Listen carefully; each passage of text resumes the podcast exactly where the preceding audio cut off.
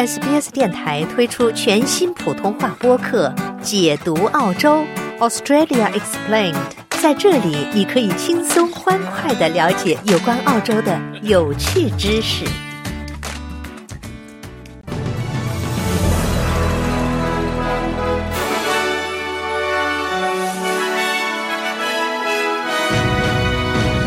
国际货币基金组织称，澳洲可能需要提高利率。澳籍作家杨恒军被中国拘留满五年。人道组织批评以色列拒绝在加沙停火。新一股热带气旋或将于下周登陆昆州。以下是新闻的详细内容。国际货币基金组织成员访问了澳大利亚，并警告说，由于通货膨胀持续存在，澳大利亚可能需要提高利率。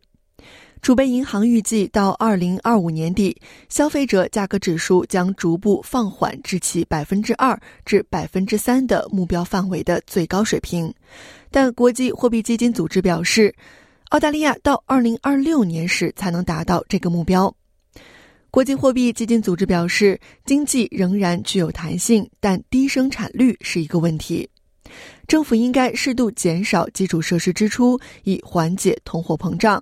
同时，货币基金组织还认为，全面的税收改革也将带来一定的好处，也就是更多的依赖商品服务税，减少所得税。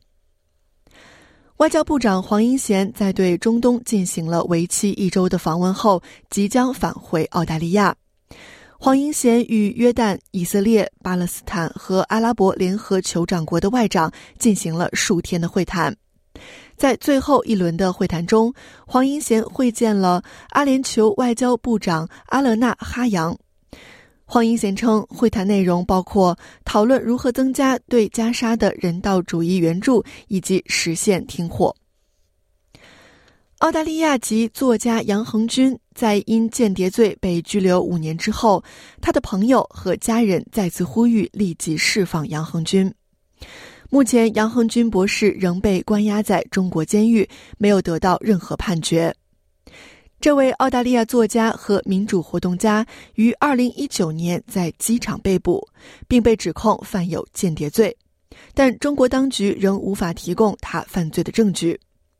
反对党内政事务发言人、参议员帕特森告诉 SBS 新闻：“中国对待这位澳大利亚公民的做法是不可接受的。” We're gravely concerned about the welfare of Dr. Yang Hengjun. He is an Australian citizen. He has been detained for five years now.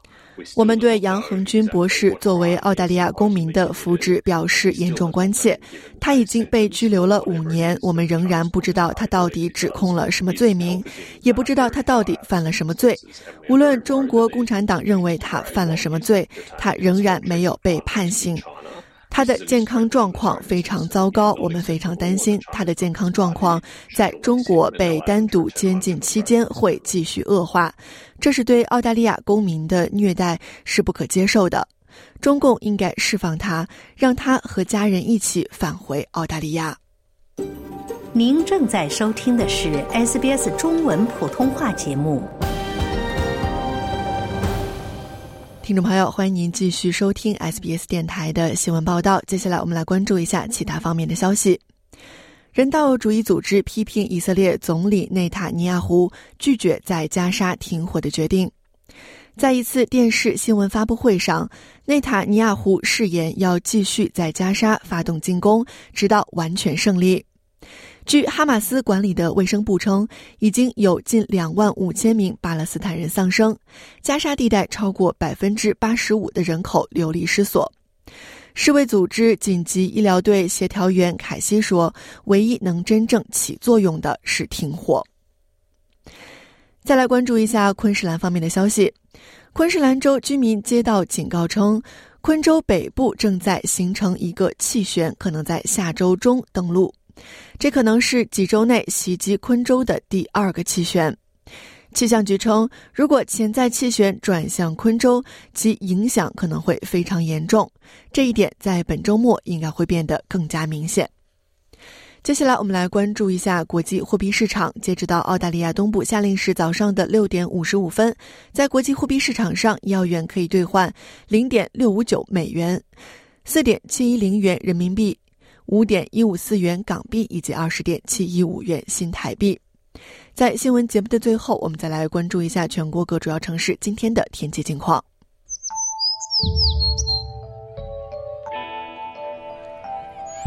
悉尼今天多云见晴，最高温度二十八度；墨尔本多云见晴，最高温度二十八度；布里斯班有阵雨，最高温度三十度；堪培拉晴间多云，最高温度二十八度；阿德莱德晴，最高温度三十五度；珀斯晴，最高温度三十三度；达尔文有阵雨并可能有暴雨，最高温度三十二度；霍巴特有阵雨，最高温度二十二度。听众朋友，以上新闻是由林默编译和播报的，感谢您的收听。